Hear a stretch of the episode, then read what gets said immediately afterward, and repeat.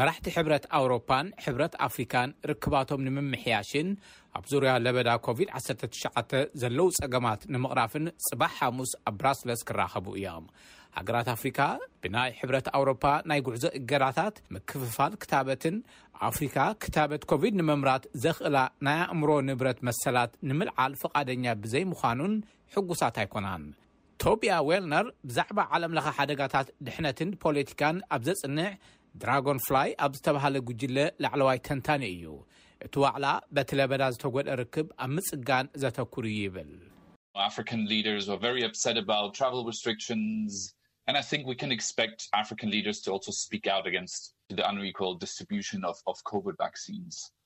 መራሕቲ ኣፍሪካ ብሃገራት ኣውሮፓ ዝተነብረ ናይ ጉዕዞ እገዳታት ኣዝዮም ጉህዮም እዮም።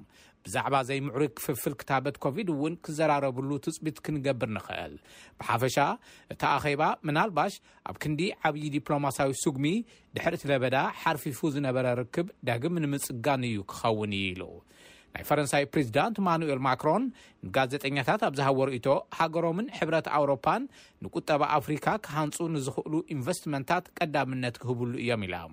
ሕብረት ኣውሮፓ ኣብ መላእ እታ ክፍለ ዓለም ንዓበይቲ መሰረተ ልምዓት ትድግፍ ምስ ዘላ ቻይና ኣብ ኣፍሪካ ውድድር ገጢምዎ ኣሎ። ፈረንሳይ ኣብ ሃገራት ማእኸላይን ምዕራብን ኣፍሪካ ንዘለዋ ፅልዋ በዳሂት ኮይና ካብ ዘላ ሩስያ እውን ካሊእ ማእዘን ናይቲ ፈተና እዩ። ሕብረት ኣውሮፓ ህዝቢ ኣፍሪካ ሰናይ ምሕደራን ክብርን ክረክብ ንዘለዎ ራእይ ክርሕርሖ ኣይክእልን ይብል ዌልነር። The EU will will still condition economic and security support for African countries on its principles, for example, democracy, human rights, and rule of law. ሕብረት ኣውሮፓ ኣብ መትከላቱ ኣብ ዴሞክራሲ፣ ሰብኣዊ መሰላትን ልዕልነት ሕግን ቅድመ ኩነት መሰረት ዝገበረ ቁጠባውን ጸጥታውን ደገፍ ንሃገራት ኣፍሪካ ምሃቡ ክቕጽል ክኸውን እዩ።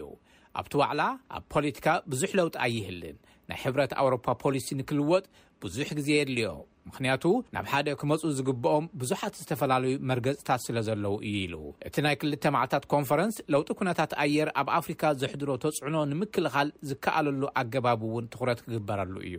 ዎርልድ ሪሶርስ ኢንስቲትዩት ኣብ ዝተብሃለ ትካል ምኽትል ፕሬዚዳንትን ዞባዊ ዳይሬክተርን ዋንጅራ ማታይ ሃፍታም ሃገራት ንናይ መተኣታተዊ ፕሮግራማት ክኸፍላ ኣለወን ትብል። The biggest polluters, 80% of all global emissions sit within the G20.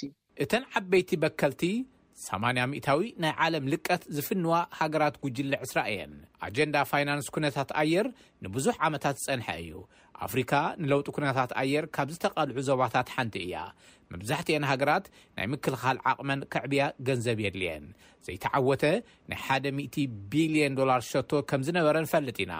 ስለዚ ነዚ ናይ ሓደ ቢልዮን ዶላር ጉድለት ንምምላእ ግልጺ ዝኾነ ኣጀንዳ ኣሎ። እያ ኢላ።